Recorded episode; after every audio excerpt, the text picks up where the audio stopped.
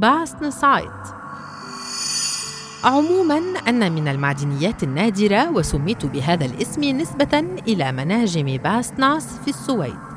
سمح ركاز منجم باستناس باكتشاف عدد من العناصر الكيميائية الجديدة من قبل العلماء السويديين من بينها عنصر السيريوم واللانثين اختار هيزنجر أحد هؤلاء العلماء الذي كان أيضا مالك منجم باستناس تسمية واحدة من المعدنيات الجديدة باستنسايت عندما وصفها لأول مرة في 1838 لونه أصفر إلى بني محمر وعسلي وباللورات سداسية الشكل.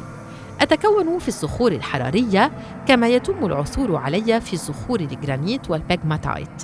أتواجد في كل بقاع الأرض ولو بشكل نادر.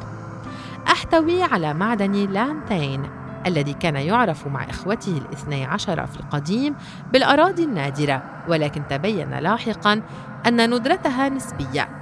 يعتبر النيوديوم والسماريوم من أهم هذه المعادن التي تستخدم لصنع مغناطيسات فائقة القوة والتي تعتبر أساسية في تركيبة المحركات والمولدات الكهربائية الحديثة. وتستخدم هذه المعادن في صنع مكبرات الصوت والميكروفونات والهواتف الجوالة وأجهزة اتصالات أخرى عالية التقنية. وتعتبر أيضا معدنيات المونازايت والكسانوتايم مصدرين مهمين لهذه المعادن التي تتميز بخصائص فيزيائية مذهلة.